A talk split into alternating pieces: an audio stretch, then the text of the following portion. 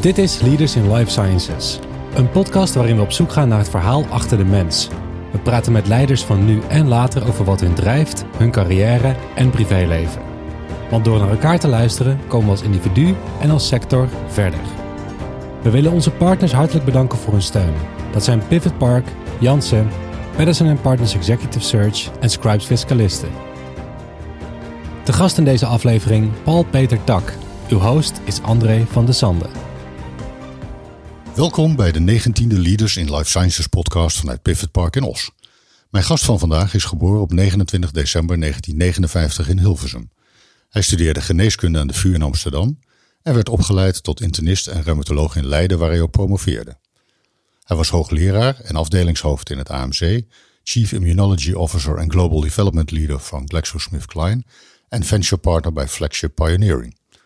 Nu leidt hij Candel Therapeutics in de Greater Boston Area en in juli 2021 bracht hij het bedrijf naar de Nasdaq. Hij heeft daarnaast zitting in de boord van Citrix Therapeutics in Oxford, Levicept in Londen en Citral hier op het Pivot Park in Os. En hij gaat ons vertellen hoe het kwam dat hij met zijn gezin tussen de nijlpaarden geslapen heeft. Mijn gast van vandaag is Paul Peter Tak. Welkom Paul Peter. Dankjewel. Je hebt een hele rijke academische carrière, al heel vroeg in je carrière. Uh, je wordt zelfs uitgeroepen tot beste reumatoloog van Nederland. En dan besluit je opeens om de overstap te maken naar de farmaceutische industrie. Wat motiveerde je om die stap te maken? Ja, dat klopt. Um, dat was waarschijnlijk voor een deel een uh, aankomende midlife crisis. Uh, maar dat is ook een serieuzer antwoord. Ik had de afdeling klinische immunologie en reumatologie in het AMC van de grond af opgebouwd. Dus ik was al vrij jong hoogleraar en uh, afdelingshoofd. Maar eigenlijk was ik een koning zonder land. Want ik was de eerste uh, werknemer, of er waren een paar medewerkers. Uh, dus het was heel klein. Maar twaalf jaar later was het een hele grote afdeling met meer dan 120 medewerkers. En ons eigen biotechnologiebedrijf. Ja. We werden heel productief. Ik runde het als een, als een bedrijf in zekere zin. En toen dacht ik op een gegeven moment, ja, we publiceren gemiddeld één artikel per week. En het gaat heel goed. We hadden hele goede toegang tot funding vanuit uh, Nederland, Europa en Amerika. En toen dacht ik van ja, misschien kun je één artikel per zes dagen gaan publiceren. Maar het is in zekere zin meer van hetzelfde. Misschien is het tijd om iets anders te gaan doen. Aha. En toen ben ik gaan nadenken over een andere, uh, andere opportunities uh, in het leven. Ja, maar dat is een rigoureuze stap die je, uh, die je dan zet. Ja, dat was een hele grote stap. En ik was absoluut niet van plan naar de farmaceutische industrie te gaan op dat moment. Aha. Maar ik dacht ook onder andere aan de politiek. En ik heb gedacht aan, aan hele verschillende dingen. Maar uiteindelijk is het de industrie geworden. En ja. het was inderdaad een grote stap. Want toen ik eenmaal getekend had bij GSK... en, en het duurde nog een paar maanden voordat ik echt zou beginnen toen dacht ik echt wel uh, van, uh, ja, het is wel een donkere periode. Ik heb eigenlijk geen idee wat er voor me ligt. Ja. Maar ik weet wat ik achter me laat en dat was heel veel. Ja, maar je zegt ik was eigenlijk niet van plan om over te stappen naar de farmaceutische industrie. Dat klinkt een beetje alsof je daar een, een, een bepaald beeld bij had. Ja, ik denk dat dat te maken heeft met het culturele beeld dat breder bestaat in Nederland. Dus ik werkte wel heel veel samen met de farmaceutische industrie. Anders kun je ook niet echt, uh, denk ik, helpen om medicijnen naar patiënten te brengen. Dus in de laatste twee jaar voordat ik wegging uit het AMC was ik consultant bij heel veel bio biotechnologiebedrijven en farmaceutische bedrijven. Ik had heel veel nagedacht over de ethische aspecten van hoe kun je de samenwerking tussen industrie en uh, academici optimaliseren. In feite had ik in de, niet al te lang daarvoor in de Rode Hoed een uh, verhaal gehouden over de samenwerking tussen industrie en academie en de ethische principes. Maar toen had ik ook nog gezegd, geloof ik in het publiek, ik zal zelf nooit voor de farmaceutische industrie werken. Dus dat ge geeft aan hoe, hoe, slecht mijn voorspellingen soms zijn over mijn eigen carrière. Ja. Uh, en ik, was, uh, ik had daar ook geen gelijk in. Want ik ben heel blij dat ik uiteindelijk die stap gezet heb. Ja, en je durft duidelijk ook uit je eigen comfortzone te stappen. Ja, ik ben totaal uit mijn comfortzone gegaan. En ik zal niet ontkennen dat dat soms uh, beangstigend was. Want je weet wat je achterlaat. Ja. Je weet niet wat er komt. Ja, ja, ja, En dan kies je voor GSK, ook niet meteen een van de kleinste. Uh, had dat te maken bijvoorbeeld met de researchbudgetten die zij tot hun beschikking hebben? Uh, ja, helemaal niet eigenlijk. Dus toen ik het gerucht had verspreid dat ik zou overwegen om af te treden in het AMC als hoogleraar en iets heel anders te gaan doen. Uh, toen zijn natuurlijk ook farmaceutische bedrijven uh, gaan bellen. En ik antwoordde altijd de telefoon door direct te zeggen: Ik zal nooit voor de farmaceutische industrie werken. En dan zeiden ze meestal van: Oh, oké, okay, dan was het uh, klaar. Ja. Maar toen GSK belde, namen ze geen genoegen met het antwoord. Het begon een hele dialoog. En kunt u uitleggen waarom dat dan precies is? En uiteindelijk hebben ze mij doen inzien dat je fantastisch wetenschappelijk onderzoek kunt doen uh, bij de farmaceutische industrie. En dat je enorme impact kunt hebben op het leven van patiënten. Ja. Dus dat is de reden dat ik bij GSK uiteindelijk uh, uh, immunoinflammatie, alles op het gebied van immunologie ben gaan leiden als mijn eerste, eerste functie. Ehm, maar het is waar dat de budgetten groot zijn bij alle top 10 farmaceutische bedrijven. Dat je, en dat helpt om uh, hele goede research te doen. Ja, ja, En ik denk dat het ook heel belangrijk is wie je dan spreekt hè, in zo'n bedrijf. Ik begrijp dat je toen in de GSK ook eigenlijk wel de juiste man trof. Uh, waar je een klik mee had, waar je dezelfde taal mee sprak. Ja, dat is absoluut waar. Dat was vrij interessant. Degene die mij belde toen uh, was hoofd van talentmanagement van GSK. En zij begon die, de hele dialoog over waarom zou je dat eigenlijk niet doen. Dus ze was echt supergoed in haar baan. Uh, maar zij zei ook van uh, het hoofd R&D van GSK heeft een vergelijkbare achtergrond als jij hebt. Hij was vroeger de hoofd van de afdeling interne geneeskunde en hoogleraar uh, aan UCL, University College Londen. En misschien zou je willen invliegen om hem te ontmoeten. En dan kun je erover nadenken of je bij je standpunt blijft dat je niet voor ons wil werken. Maar dan kun je altijd nog een goede collaborator worden. Zouden we kunnen samenwerken. En toen heb ik contact opgenomen met de hoogleraar vasculaire geneeskunde in die tijd in het AMC. Want ook het hoofd R&D uh, eh, GSK was, uh, had een vasculaire achtergrond.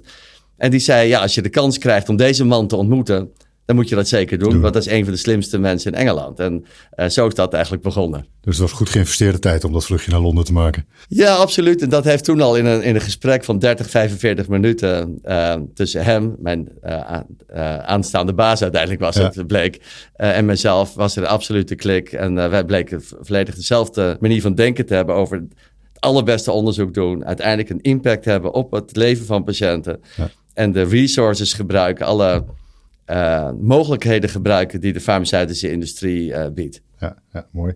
Uh, nou, je hebt een aardig aantal jaren bij GSKB gebleven. er komen nog wat andere stappen daarna.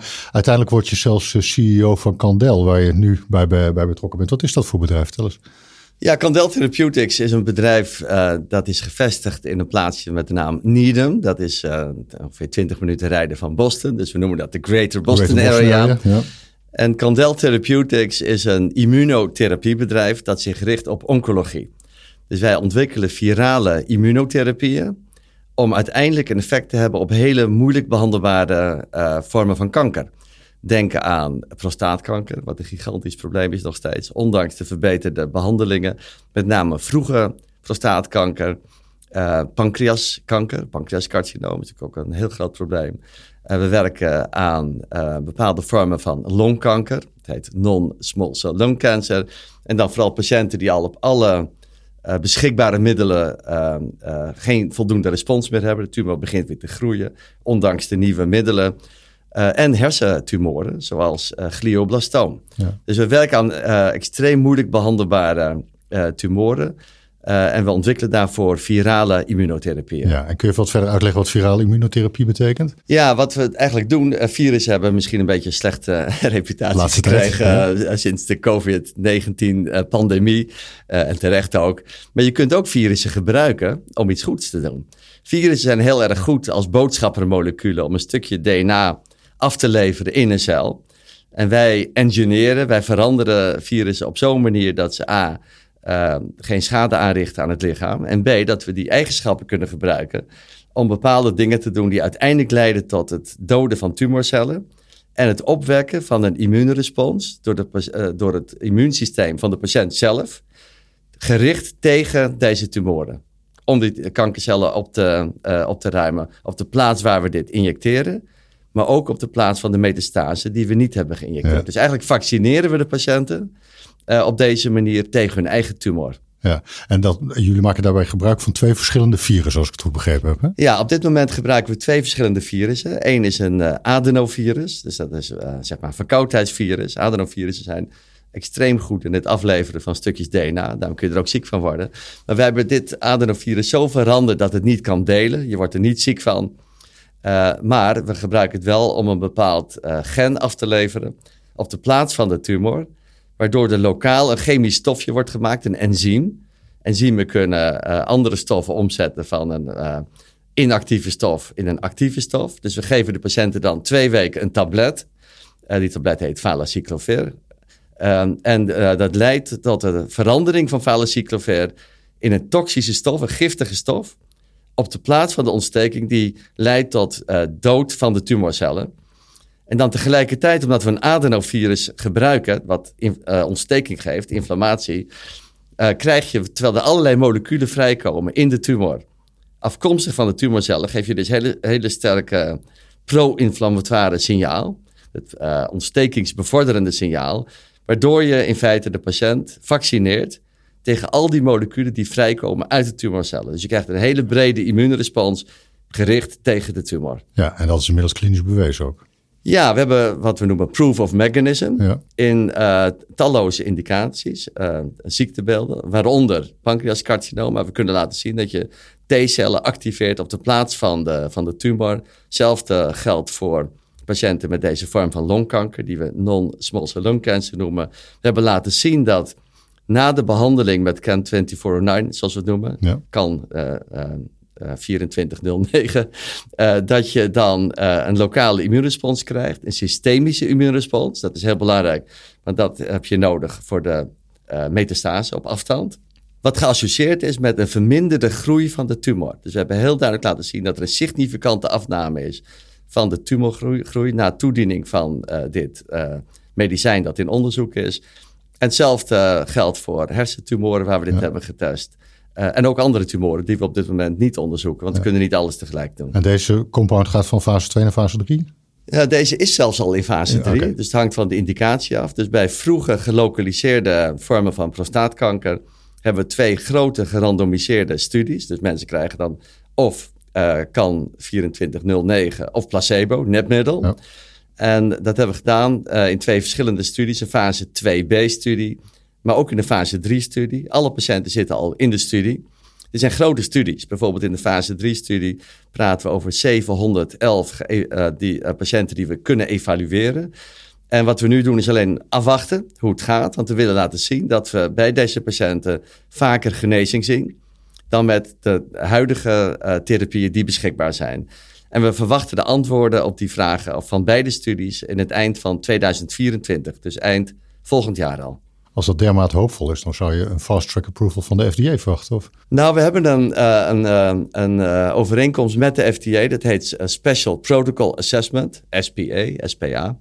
Um, waarbij we eigenlijk hebben een afspraak hebben gemaakt dat in principe als wij ons primaire eindpunt halen, dus we halen ons doel dat we ons gesteld hebben, dat de FDA dit primaire eindpunt van wat we noemen disease-free survival, dus patiënten waar je geen tumor, tumorcellen meer kunt vinden, uh, dat ze dit zullen accepteren. Dus als het positief is, verwachten we dat dit zou kunnen leiden tot registratie. Ja. Mooi. En dan heb je ook nog CAN 3110, uh, die gebaseerd is op het herpesvirus. Ja, klopt. Dus uh, wat ik net noemde, CAN 2409, dat adenovirus, wordt ja. getest in al die andere indicaties.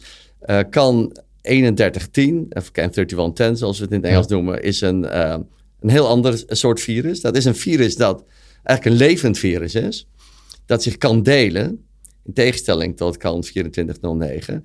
Maar het deelt zich specifiek in de tumorcellen terwijl het het gezonde weefsel spaart. Dus als je dat injecteert in een tumor, bijvoorbeeld een hersentumor, en dat zijn tumoren die heel moeilijk te behandelen ja. zijn, dan gaat dit uh, een uh, agressief uh, delen, ag agressief repliceren. Het valt de tumorcellen aan op de plaats van de, van de tumor. Terwijl we hebben aangetoond bij patiënten dat het gezonde hersenweefsel wordt gespaard.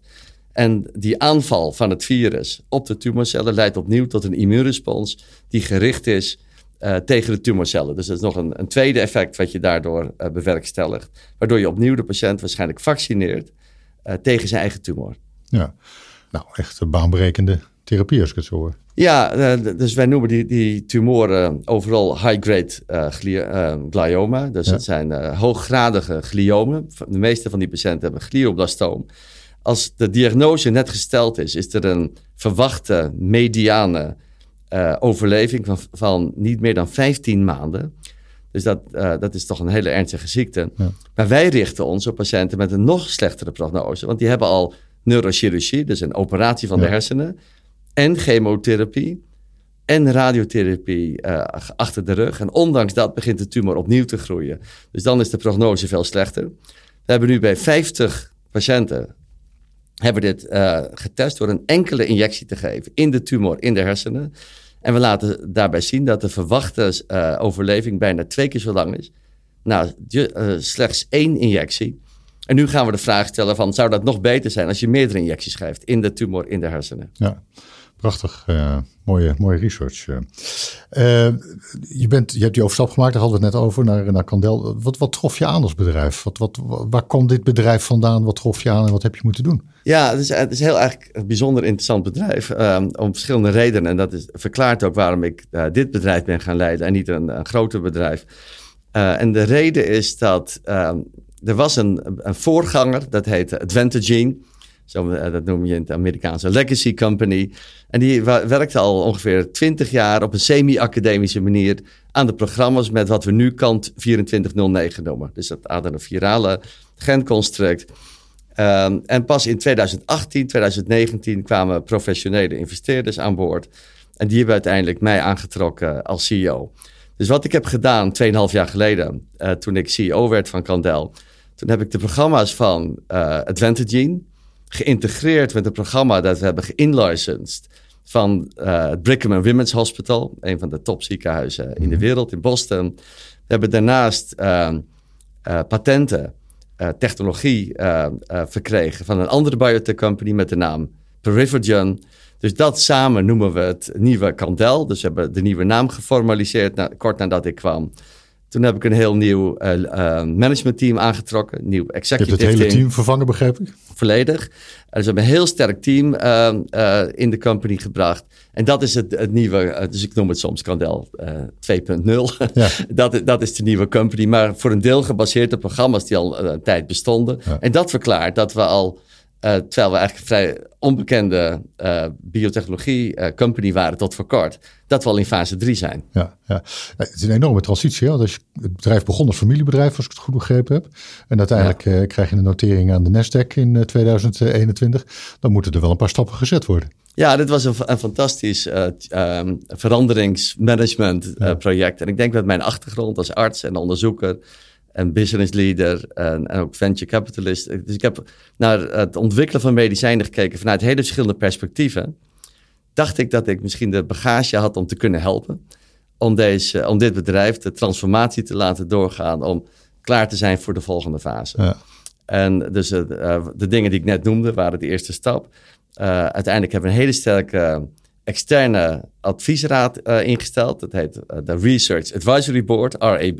Dat is niet gewoon maar een, uh, een adviesraad. Deze mensen participeren in ons interne besluitproces, governance proces.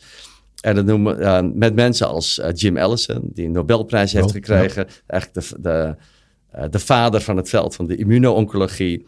Uh, en andere absolute top-experts uh, in de wereld van de immuno-oncologie. Dus die mensen heb ik heel dicht bij ons gebracht. We hebben hele grote veranderingen aangebracht vorig jaar aan de Board of Directors. We hebben een derde van de board vervangen vorig jaar. Dus grote verandering om klaar te zijn voor die volgende fase. We hebben de voormalige uh, Chief Scientific Officer van Sanofi aangesteld in de board. we hebben een CEO van een groot bedrijf aangesteld. Uh, in de board. We hebben een uh, MedTech Finance Leader aangesteld. We hebben de board meer divers gemaakt en inclusief. Ja. Uh, dus dat zijn hele grote veranderingen geweest. En ik heb de, het bedrijf naar de, naar de Nasdaq gebracht, wat ook een avontuur op zichzelf was. Zoiets had ik nog nooit gedaan of meegemaakt. En het heeft ook geholpen om echt niet alleen wat geld op te halen, zodat we onze zogenaamde runway kunnen verlengen, zodat we ook de studies kunnen doen die we moeten doen, om tot de antwoorden te komen of dit werkt in de indicaties uh, die we onderzoeken. Maar het heeft ook geholpen om, de, om het bedrijf zo professioneel mogelijk te maken. Want de regels in Amerika uh, voor de Nasdaq van de SEC zijn uh, super streng. streng ja. dus, dus, daarmee moet je aan de hoogste stand, standaard op het gebied van kwaliteit op allerlei gebieden voldoen. Ja, wat heb je zelf geleerd in dat hele traject? Ja, heel, heel veel dingen van het, uh, op het gebied van leiderschap had ik al gedaan, denk ik, en geleerd. En die heb ik juist toegepast en gebra gebracht naar het bedrijf. Lessen die ik heb geleerd in het AMC, uh, bij GSK, in andere biotechnologiebedrijven die ik heb opgericht en geleid. Uh, en ik heb altijd dezelfde principes gebruikt, denk ik, om die organisatie succesvol te laten worden. Um, en we kunnen praten over die principes. Maar wat ik natuurlijk heel, waar ik heel veel over heb geleerd is van ja, hoe doe je een IPO? Hoe breng je een bedrijf naar de Nasdaq en dan ook nog in het, uh, laat zeggen, het Rome van de, van de biotechnologie, wat uh, Amerika is, denk ik, de Boston area en natuurlijk de, de Nasdaq in New York. zeker. dus ik heb, voor mij was dat een hele weer, nieuwe wereld. Heel veel van die termen die werden gebruikt, had ik nog nooit gehoord. Dus je leert heel veel door het gewoon te doen en je te omringen met een heel goed team dat het al wel heeft gedaan. En met mensen in de board die het al wel hebben gedaan. Uh, dus ik heb enorm veel geleerd van hoe, hoe kun je bedrijven naar het volgende niveau tillen in de zeg maar eredivisie van de biotechnologie van de wereld. Ja, en opeens ben je shareholder value aan het managen. Ja. Bijt dat af en toe niet met, met je wetenschappelijke hart? Nou, dat is een goede vraag. Als dat bijt, dan ben je niet goed bezig. Ja. Dus voor mij is het absoluut, uh, er moet altijd de leidraad zijn dat je de hoogste ethische uh, en integriteitsprincipes uh, hanteert. Ten tweede dat je je altijd laat leiden door de, door de beste wetenschap. Dat je beslissingen neemt die absoluut rigoureus zijn. en die ook daarom pijnlijk kunnen zijn. Die gebaseerd zijn op data. en het allerbelangrijkste is in deze business dat je altijd een, een laserfocus houdt op het belang van de patiënten. Dat is wat mij drijft. Dat moet ook het bedrijf leiden. Soms lijkt het misschien op het eerste gezicht dat er een discrepantie is tussen het creëren van waarde voor, laten zeggen, patiënten en de beste wetenschap volgen aan de ene kant en uh, de belangen van de aandeelhouders aan de andere kant. Ik denk dat dat korte termijn denken is. Ik denk uiteindelijk dat je, uh, als je de beste medicijnen ontwikkelt, gebaseerd op data die echt een transforma transformationeel effect kunnen hebben op het leven van patiënten, dat je uiteindelijk ook de meeste waarde creëert voor je medewerkers en voor alle aandeelhouders. Ja, en je hebt dat soort keuzes ook echt daadwerkelijk moeten maken, heb ik begrepen. Ja, ik ben er niet bang voor om hele moeilijke beslissingen uh, te nemen. En da daar helpt ook die Research Advisory Board. Dus ik ben een expert op bepaalde gebieden. En, uh, maar je kunt niet op elk gebied expert zijn. Dus ik ben niet een expert op andere gebieden. Uh, maar en ik heb me omringd daarom ook met een heel sterk team in het bedrijf. Maar dan nog kun je blinde vlekken hebben. Dus daarom heb ik een heel proces altijd, dat overigens heel simpel en snel gaat een governance proces wat wij noemen de Science and Investment Board. Dat geeft wel aan dat voor mij dat hand in hand moet gaan. Waarbij diezelfde mensen die in de Research Advisory Board zitten, denk aan de Nobelprijswinnaar en andere ja. top-experts, participeren in ons uh, interne proces om beslissingen te nemen. Uh, dus daar gaat heel veel aan vooral, van peer review enzovoort. Zodat ik op elk moment toegang heb tot de slimste mensen in mijn bedrijf en in academie. En dan op een gegeven moment denk je van nou, dit is wat we weten. Nu moeten we een beslissing nemen, want soms is het zo dat, een slechte, dat geen beslissing nemen slechter is uh, dan uh, een mogelijk verkeerde beslissing nemen. Dus dan gaan we dat doen. Uh, en een voorbeeld van zo'n moeilijke beslissing was vorig jaar hadden we da nieuwe data voor CAN 2409 in hersentumoren. na een enkele injectie in de tumor, nadat de chirurg de tumor had verwijderd, waarbij we dus in het wondbed, zeg maar, waar meestal nog tumorcellen zitten, probeerde de patiënt te vaccineren met een enkele injectie. Uh, we hadden een studie gedaan, een fase 1b-studie, samen met BMS, farmaceutische industrie, waar duidelijke effecten waren. Maar ik vond ze onvoldoende transformationeel. Tegelijkertijd waren we klaar om een fase 3-studie te, uh, te starten, want we hadden ook al andere fase 2-studies gedaan. We hadden zelfs al toestemming van de, van de FDA. Sterker nog, we hadden fast track designation. En ik heb naar die data gekeken. Ik denk, er is een effect, maar het is onvoldoende sterk. Ik wil dit programma stoppen. Voordat we grote investeringen gaan maken. Want het is altijd een keuze. Waar ga je je resources uh, inzetten? Niet alleen geld, maar ook je denkkracht en je mandkracht enzovoort. Dus ik heb met al mijn adviseurs gesproken en uiteindelijk ze overtuigd dat het de juiste beslissing zou zijn, ook al was het een pijnlijke, om dit programma te stoppen. En dat gaf natuurlijk wel enige discussie in de board, want iedereen is super enthousiast en dit gaan we doen. Hoe ga je uitleggen dat we dit doen? Ik zei, dit is niet een transformationeel effect. Bovendien hebben we kan 3110, dat we ook testen in high-grade glioma, in hersentumoren. En die effecten lijken super veelbelovend, vinden wij. Uh, en dat denken ook onze adviseurs. Uh, je moet gewoon hele moeilijke keuzes maken. Dus dat gaan we testen in die indicatie. Terwijl we kan 2409 volledig richten op prostaatkanker, pancreaskanker en uh, longkanker. Ja, mooi. Ik denk als de luisteraar jou zo beluistert, dan uh, dat iedereen heel snel de indruk krijgt dat je een gedreven man bent. Ja, uh, dat, dat, is heel duidelijk. Uh, dat begon eigenlijk al vroeg op school. In VWO heb je ook keurig cum laude afgesloten. Maar er zijn ook andere fases in je schoolcarrière geweest, heb ik begrepen. Ja, dat klopt. Ja, ik had eigenlijk helemaal toen ik zo 12, 13 jaar oud was, helemaal geen beeld wat ik zou gaan doen. En was helemaal niet bezig met school. Ik vond school extreem saai. En ik vond het, uh, ik spijbelde ook heel erg veel trouwens. En dat ging ook niet heel goed in de brugklas, zoals, de, zoals dat uh, toen heette. Misschien nog wel. Uh, dus ik heb toen echt extreem lage cijfers gehaald na het eerste jaar. En ben blijven zitten met een heel erg verdeeld schooladvies, herinner ik me nog. Ja. Het verbaasde mij dat mijn ouders zich daar helemaal geen zorgen over maakten. En ook nooit zeiden, je moet je huiswerk gaan doen. Uh, dus dat heeft misschien er ook bijgedragen dat ik toen gedoubleerd ben. Maar uiteindelijk is dat heel goed voor mij geweest. Want het gaf mij de tijd na te denken van, ja, wat wil ik nou? Mijn ouders waren hele wijze mensen. Die hebben mij voor uitgebreid intelligentie en psychologisch onderzoek gestuurd. Dat was, het enige, dat was de enige interventie. En toen was de, de, feedback uiteindelijk van, ja, je kunt naar het gymnasium, maar je hoeft nooit lager te halen dan de achtergemiddeld. Ik had er nog nooit zo over nagedacht. Ja. En ook nooit zo naar mezelf gekeken. En toen dacht ik, oh, oké, ga ik dat doen? En zo is het ook uitgekomen. dat is eigenlijk wel een beetje life-changing geweest. Ja, dan, ja heel erg. En dat is ook goed, want ik denk dus dat kinderen soms gewoon de tijd nodig hebben om te ontdekken wat ze moeten willen. En ik doe hetzelfde met mijn kinderen. Ik probeer niet te veel te pushen. Uh, maar je, leeft, uh, je geeft een voorbeeld in het leven. Dat je probeert je talenten op de beste manier uh, te gebruiken. Dus uiteindelijk ben ik echt geïnteresseerd geraakt in, in inhoud. Ja. En, uh, en uh, ja, uiteindelijk, uh, na, na, heel lang denken, heb ik de beslissing genomen om arts te willen worden. Ja. Had, had je zelf thuis ook een voorbeeld? Ja, mijn ouders hebben mij geïnspireerd op heel verschillende manieren. mijn vader was een, een directeur van een, van een redelijk groot bedrijf. Die heeft dat eigenlijk helemaal met zijn handen zelf groot gemaakt.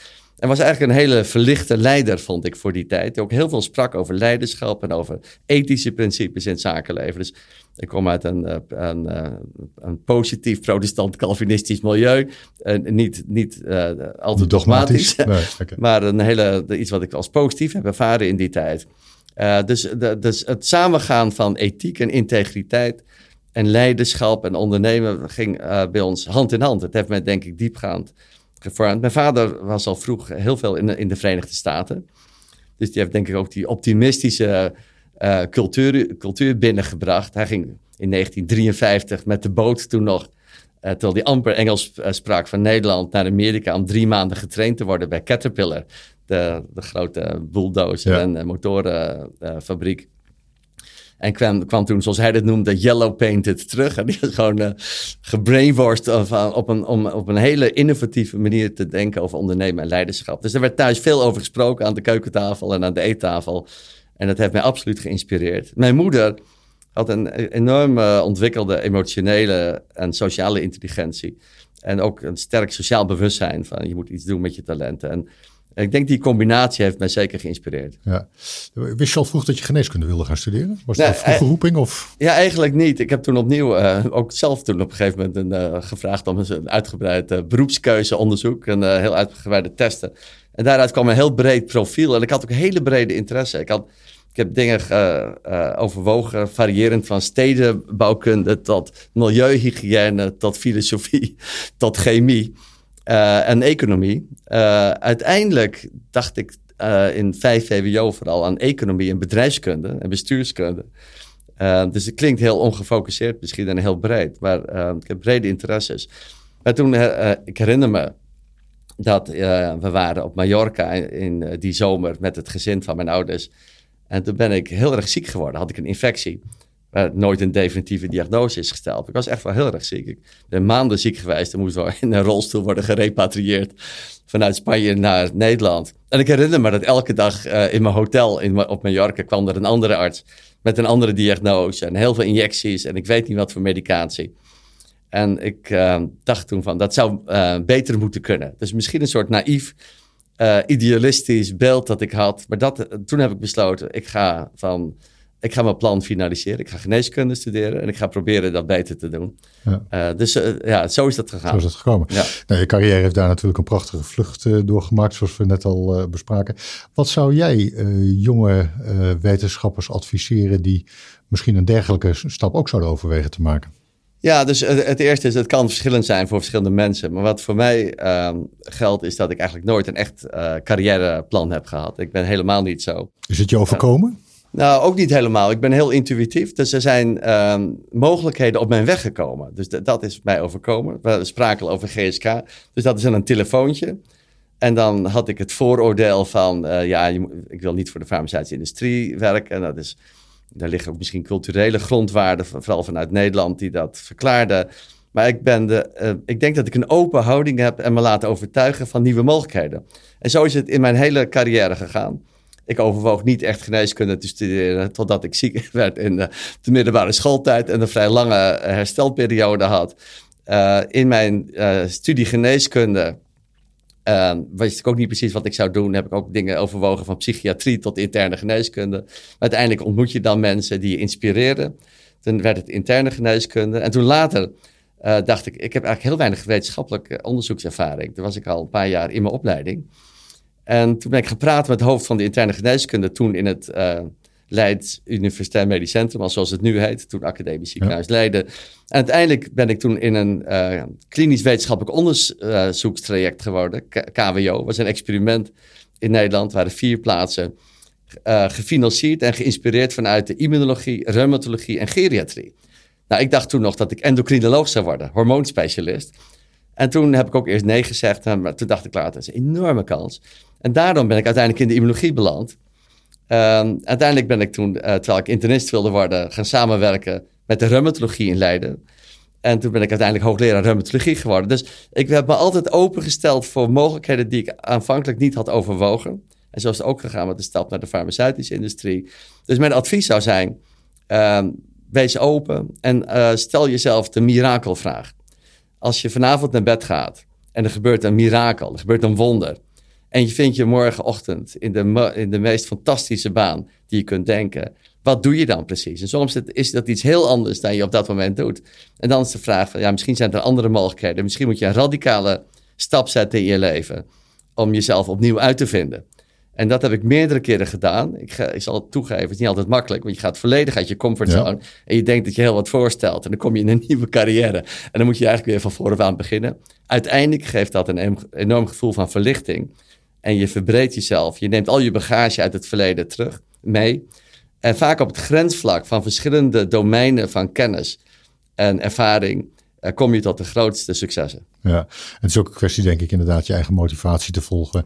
En je misschien iets minder te laten leiden door financiële prikkels. Ja, absoluut. Dat is, uh, financiële prikkels zijn altijd een slecht uh, leidraad, denk ik. en als je het al belangrijk zou vinden, als je probeert altijd te excelleren in alles wat je doet, dan zul je ook altijd wel voldoende verdienen om de dingen te kunnen doen die je belangrijk vindt. Zoals, nou, iedereen moet dat voor zichzelf definiëren. Uh, maar uh, voor mij is dat bijvoorbeeld dat ik af en toe met mijn gezin een leuke reis kan maken. Veel, uh, heel veel heb ik zelf ook niet nodig. Maar uh, financieel gewin zou nooit een doel in zichzelf moeten zijn. Moet je, je moet altijd proberen te doen wat je echt vervult. En wat past bij je ethische principes, bij je missie in het leven. Waar je gewoon ook gewoon lol en plezier in hebt. Die, die dingen zijn heel belangrijk. En uh, uiteindelijk komen andere dingen dan vanzelf wel goed, denk ik. Ja, ja. Misschien het verlengde van de vraag die ik net stelde met betrekking tot jonge wetenschappers. Maar wat is voor jou het belangrijkste verschil tussen het werk op een universiteit en in de industrie? Ja, voor mij was het een heel grote uh, uh, ontdekking toen ik daadwerkelijk was begonnen bij GSK, wat het enorme niveau was van het wetenschappelijk onderzoek. En uiteindelijk in mijn uiteindelijke rol bij GSK hebben we natuurlijk heel veel gekeken naar universitair onderzoek. Uh, omdat we proberen programma's ook binnen te brengen vanuit de universiteit. Ik heb een, heel veel samenwerkingsprojecten opgezet. En er is vaak excellent onderzoek aan de universiteit. Maar we hebben ook gevonden, dat is nu wel bekend, dat ongeveer 50% van het onderzoek aan de universiteiten kan niet worden gereproduceerd. En een grote ontdekking was de, hoe rigoureus de kwaliteit is van wetenschappelijk onderzoek uh, in het bedrijfsleven. En ik denk dat dat iets is wat ik me toen helemaal niet had gerealiseerd. Ik denk dat heel veel mensen zich dat niet realiseren. Dus dat is één. Het tweede is dat ik veel minder tijd bezig was, kwijt was met bureaucratie.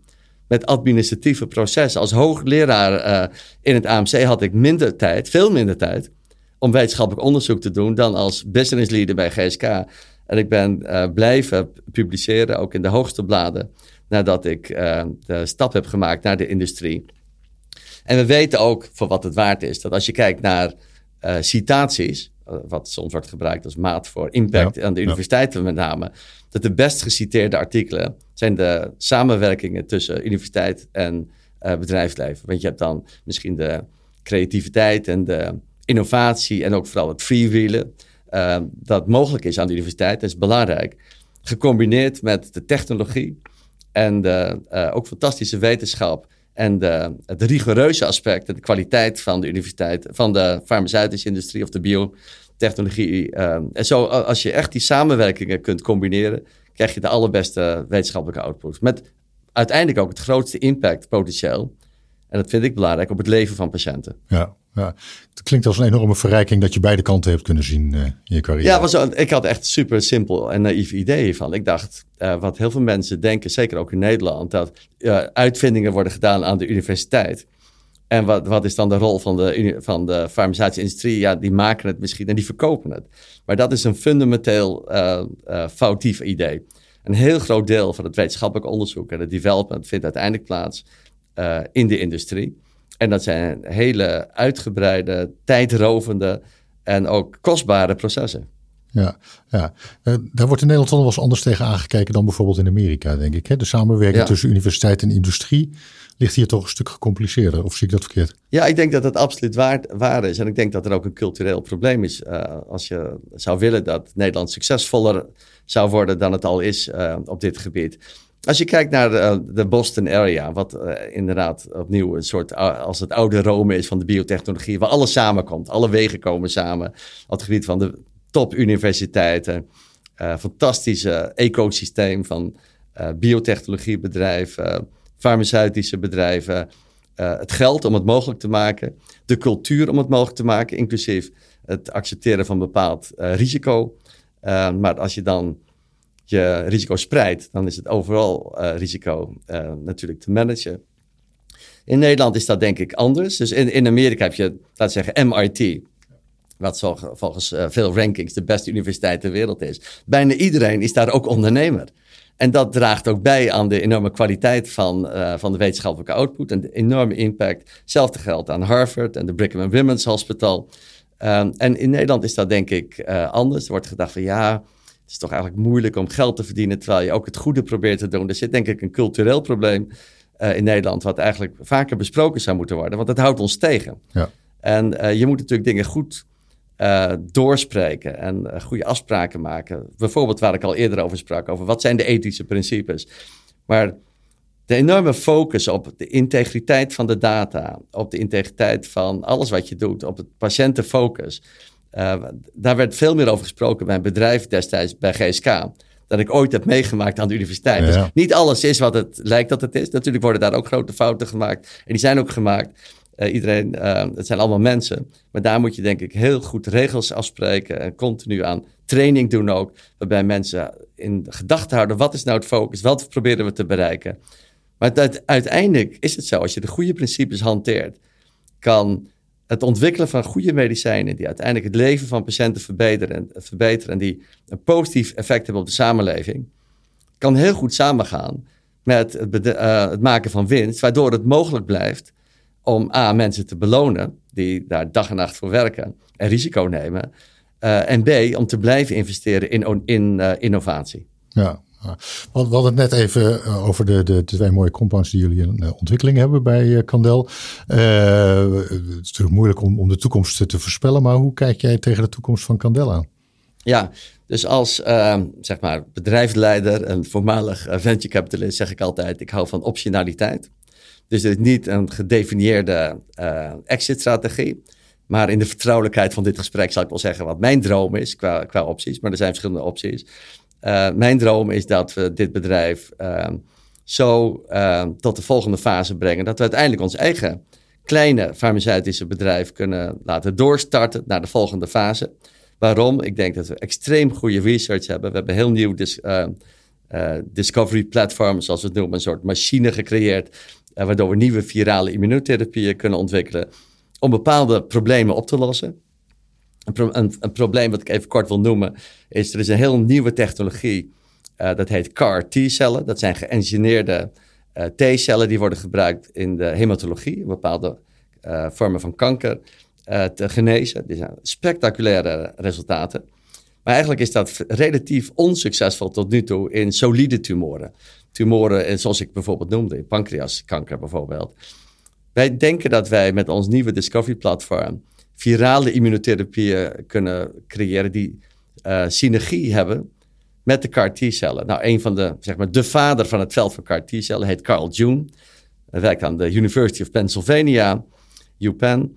En die heeft contact met ons opgenomen, met Candel Therapeutics, omdat hij denkt dat wij zijn probleem kunnen oplossen. Hoe kun je de tumor microenvironment, de, de, de omgeving, de kleine microarchitectuur van de tumor zo veranderen dat die CAR T-cellen van hem in de tumor komen, zodat we de tumorcellen kunnen uitschakelen. Dus dit platform zou ik graag in leven houden, zodat we dit opnieuw en opnieuw kunnen doen om problemen van andere universiteiten, van andere biotechnologiebedrijven, farmaceutische industrie kunnen oplossen om betere uh, uh, uh, behandelingen te ontwikkelen, die misschien ehm, verschillende combinaties worden van verschillende behandelingen. Ja. maar daarvoor moeten we natuurlijk voldoende financiering binnenbrengen om dat mogelijk te maken. Dat zou kunnen door partnerships, dus samenwerking met bedrijven, waarbij je zegt van oké, we gaan nu kan 2409 gaan we op dat gebied gaan we samenwerken, zodat we het samen ontwikkelen in Europa en in de Verenigde Staten als een voorbeeld. Uh, dus dat zou één uitkomst kunnen zijn. Een andere is altijd dat je wordt overgenomen.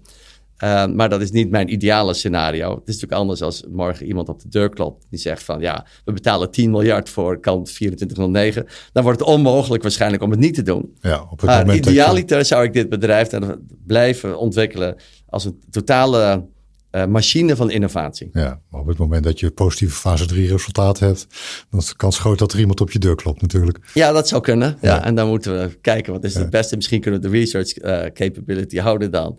Uh, dus, maar dat zijn natuurlijk luxe problemen op dat moment. De, de pers bericht heel positief over Candel Therapeutics. Maar de beurskoers gaat daar nog niet helemaal in mee. Hoe komt dat? Nee, dat klopt. dat heeft denk ik te maken met de geschiedenis van het bedrijf en ook natuurlijk de huidige uh, economische situatie, vooral het gebied van de biotechnologie. Dus ik zei al, dit, bedrijf was 20 jaar eigenlijk onbekend, zoals wij dat noemen, in stealth mode. Uh, en het, kost tijd voordat mensen weten wat je doet. Ze zijn denk ik ook verbaasd van, hè, waar komt dit bedrijf opeens vandaan in fase 3? Het hoofd van de oncologie bij GSK rapporteerde aan mij en nog hij, nog ik kennen het bedrijf. Dus dat kost tijd uh, voordat je bekend wordt. We hebben ook diep geïnvesteerd in de wetenschap. Dus tot 2,5 jaar geleden hadden we data die suggereerden dat onze medicijnen mogelijk werken en dat uh, we kunnen reproduceren. Maar we hadden nog niet de sterke wetenschappelijke, mechanistische, immunologische onderbouwing. Die hebben we nu wel. Dus het kost gewoon tijd voordat investeerders dat zien. Uh, toen hebben we dus natuurlijk een, IPO gedaan, de, het bedrijf naar de markt gebracht. Uh, op een tijd dat het al heel moeilijk was. Dus A, de economie is, is natuurlijk nog steeds getroffen door de naweeën van de COVID-19 pandemie en supply issues, de grote oorlog in Europa, inflatie. Dan is er nog een specifieke crisis in de biotechnologie omdat er gewoon tijdens de pandemie te veel biotechnologiebedrijven zijn opgericht, denk ik, in de wereld. Die niet altijd gebaseerd waren op geweldige data in patiënten. Het was veel van een hype.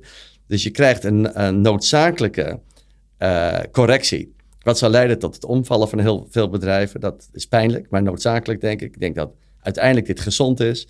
Ik denk dat de bedrijven met data in patiënten, die laten zien dat dit echt kan werken om een ziekte te veranderen, uh, horen tot de, de, relatieve overlevers in dit proces. Uh, maar uiteindelijk moeten we door die fase, voordat ook onze eigen marktwaarde omhoog gaat. Wij zijn optimistisch, want ik denk dat uiteindelijk gaat het om data. Dus we hebben in onze runway, in de periode die we hebben uh, om te overleven, voldoende zogenaamde inflectiepunten momenten waarop data uh, uitlezen van de clinical trials, die uiteindelijk waarde moeten creëren en op grond waarvan uiteindelijk de marktwaarde zou moeten gaan stijgen. Ja, oké, spannend. Ja, is altijd, ja, dit is biotechnologie. En uh, we zijn er niet slechter aan toe dan andere biotechnologiebedrijven. We zijn relatief goed. Uh, maar het allerbelangrijkste is, we hebben veel data in, de komende, in het komend jaar. Ja. We hadden het net al even over, over je gedrevenheid, et cetera. Heb je een soort persoonlijke missie wat jou vooruitdrijft? Wat, wat, wat wil je bereiken eigenlijk? Ja, ik denk dat de missie is van die, een soort combinatie van... uiteindelijk als arts wil ik een impact hebben op het leven van patiënten. Eerst op individueel niveau. Ik heb... Uh, extreem uh, bevredigend gevonden om als arts voor mijn patiënten de beste zorg te geven die ik kon geven. Uiteindelijk ben ik wetenschappelijk onderzoek gaan doen om die impact groter te maken. En ik zei ook vaak tegen mijn patiënten, als ze nieuwe patiënt waren in de AMC, van ik probeer u de beste zorg van vandaag te geven. Maar we zullen u altijd vragen mee te doen aan wetenschappelijk onderzoek, om de beste zorg van morgen te ontwikkelen.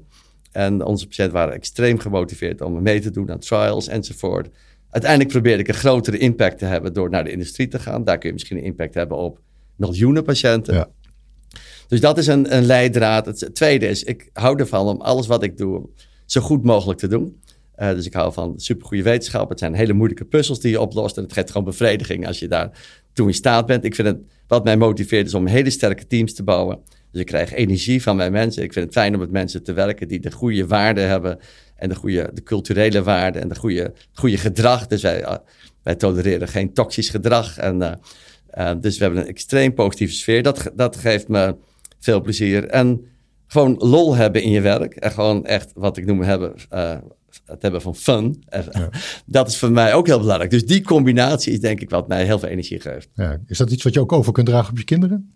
Uh, dat hoop ik. Dat zouden we de kinderen moeten vragen. Maar ik denk het wel. Ik denk dat wij, onze kinderen uh, elk hun eigen sterke persoonlijkheid hebben. En waarschijnlijk geïnspireerd zijn deels door ons en deels door andere mensen. Ja. dus ik denk wel dat je nooit moet onderschatten wat ehm, het impact is van jou als ouder uh, in de zin van je voorbeeldfunctie. Wat belangrijker is dan dat je een kind vertelt wat het wel en niet moet doen. Je moet ze de kansen te geven, kansen geven om hun eigen fouten te maken. En ik denk dat je ze de kansen moet geven om uh, zelf ondernemer te zijn en dingen te doen in het leven die op elk gebied kunnen zijn. Uh, variërend van kunst en cultuur tot tot muziek, tot wetenschap, tot geneeskunde, wat, ook, wat hun hart ook drijft. Ja, leuk. Uh, ja, je carrière, je, je, hele loopbaan heeft je over de hele wereld gebracht. En ik begrijp dat je daarnaast, ondanks dat je zelf al heel veel op reis bent, ook nog graag je gezin mee op sleeptouw neemt naar leuke plekken op de wereld. Ja, dat klopt. Ja. Dus ik heb altijd gehouden van veel avontuur. Dus ik heb al vele jaren geleden ging ik al met een rugzak reizen door de binnenlanden van Nieuw-Guinea en Borneo. Dus ik ben, uh, ook daar vond ik het fantastisch om uit mijn comfortzone te zijn. En ook veel te leren van hoe andere mensen fundamenteel anders denken en leven. En daar respect voor te krijgen. Uh, en ik, het is een hele goede manier ook om te ontspannen. Gewoon volledig afstand te nemen. En ik zou iedereen aanmoedigen als ze dat kunnen doen, om dat te doen. Ja. Omdat je op andere gedachten, uh, je andere gedachten krijgt. En dat je relativeert. Uh, dus ik heb dat ook met ons gezin ge altijd gestimuleerd. Dus we hebben heel veel uh, reizen gemaakt. Ook omdat zowel mijn vrouw als ik altijd hard hebben gewerkt. En veel reizen. Dus het gezin, als een resultaat ervan, woont in verschillende landen. Ja. Uh, probeer ik ook ons minimaal één keer per jaar samen te brengen. op ehm, plaatsen die ergens in de, in de rimboek kunnen zijn. Waardoor je ook ehm, heel veel herinneringen samen ontwikkelt. En blijft ontwikkelen als gezin. Waarbij je ook samen uit je comfortzone gaat. Ja. Uh, wat bijdraagt aan een hechte band onderling. Het is, ik uh, beleef er ook heel veel plezier aan, aan om met ons gezin te zijn. We hebben een hele goede band onderling. Uh, dus ja, we maken ook mooie reizen. We zijn in de gelukkige omstandigheid dat we dat kunnen doen. Ja, en dat iedereen is avontuurlijk, ja. In de intro had ik het over de Nijlpaarden. Ja. Hoe zit dat verhaal dan in elkaar? Ja, de laatste, laatste reis was in afgelopen december. Zijn we echt wel heel diep Botswana ingeweest. In een en naar tentenkampen waar wij de enige toeristen waren met, met de gids. Verder helemaal niemand. En dan uh, was het soms zo inderdaad dat aan de andere kant van je tentdoek stond dan zo'n hippo. Uh, dat zijn vrij gevaarlijke en uh, ook wel ja. enge beesten, moet ik eerlijk zeggen. Dat zijn de gevaarlijkste dieren van Afrika. Indrukwekkend ook. Ja, ja en we hebben dus alles gezien. luipaarden, alles gewoon vlak bij onze tenten. Uh, dus uh, ja, dat uh, was wel dat was bijzonder interessant om dan mee te maken. Het staat echt helemaal in de natuur. er was ook niets, geen wifi, geen bereik met de, met de telefoons. dus ja, dat brengt je samen en dat zijn herinneringen die je nooit vergeet. Ja, out of your comfort zone is wel iets wat jou kenmerkt als ik het zo hoor. Ja, denk ik wel. En het is het avontuur. En dat, je vroeg naar de kinderen. Dus dat hebben we denk ik door dit te doen ook overgedragen op de kinderen. Dus twee van onze kinderen, één woont in Nederland, is bijna arts en ook heel ondernemend. En de andere uh, is een, een, creatief iemand, uh, studeert uh, volgende maand af aan University Arts Londen. Ze hadden beide een gat in hun studie van, van drie, vier weken. En toen belden ze elkaar van, oh, ik heb een idee. Zullen we naar Nepal gaan um, om daar te gaan klimmen? Zonder enige voorbereiding zijn ze daar gaan klimmen. Eén is wel een klimmer trouwens. En uh, hebben ze een fantastische tijd gehad. En die, met voeten die helemaal uh, bloeden van alle blaren. liepen ze gewoon om drie uur s'nachts met bepakking. Daar met een heel laag zuurstofgehalte. Dus ze zijn wel bikkels geworden daardoor. Ja, je hebt ze wel iets meegegeven duidelijk. Ja, ik denk gewoon door het voorbeeld. En ja. ze hebben er enorm van genoten ook. En uh, ik denk dat, dat het een metafoor is voor het leven. Ja, leuk. Mooi. Ehm, we komen aan het eind van de, van de podcast uh, nu. Uh, mijn laatste vraag voor de gast is altijd: heb je nog een boodschap die je zou willen delen met de luisteraars? Iets wat je mee zou willen geven? Ja, boodschap klinkt misschien een beetje zwaar, maar ik denk: uh, mijn motto in het leven is: volg je hart. probeer te doen wat je denkt dat goed is. probeer te doen waar je goed in bent. Het zogenaamde Hedgehog Principle in het, in het Amerikaanse management. Ehm, probeer ehm, altijd ehm, erin te zijn voor de lange termijn. Dus neem voldoende tijd ook om uh, op andere gedachten te komen en uiteindelijk rust te hebben. Het is oké om keihard te werken, maar zorg ook dat er perioden zijn waarbij je andere dingen doet. En denk altijd na over dingen als wat is de impact die je kunt hebben met jouw specifieke talent? Waar beleef je plezier aan? Uh, wat, zijn, uh, wat is de energie die relaties met anderen je geven? In je familie, in je gezin, maar ook met je medewerkers. En hoe kun je een totaal innovatieve cultuur creëren, waardoor je uiteindelijk de wereld een klein beetje kunt veranderen in de goede richting. Nou, dat is een hele mooie slotboodschap. Uh, dank dat je mijn gast wilde zijn uh, vandaag, Paul Peter. Leuk om je in de podcast gehad te hebben vandaag. Met veel plezier. Dankjewel, André. Dit was Leaders in Life Sciences. Dank voor het luisteren. Vond je iets van deze aflevering? We horen graag jouw feedback. Wat houdt bijvoorbeeld jou bezig en over wie wil je meer horen? Laat het weten via een Apple of Google review. Of stuur een berichtje via social media of natuurlijk gewoon per mail. Onze waardering is groot. Tot slot nog dank aan onze partners. Dat zijn Pivot Park, Janssen, Patterson Partners Executive Search en Scribes Fiscalisten.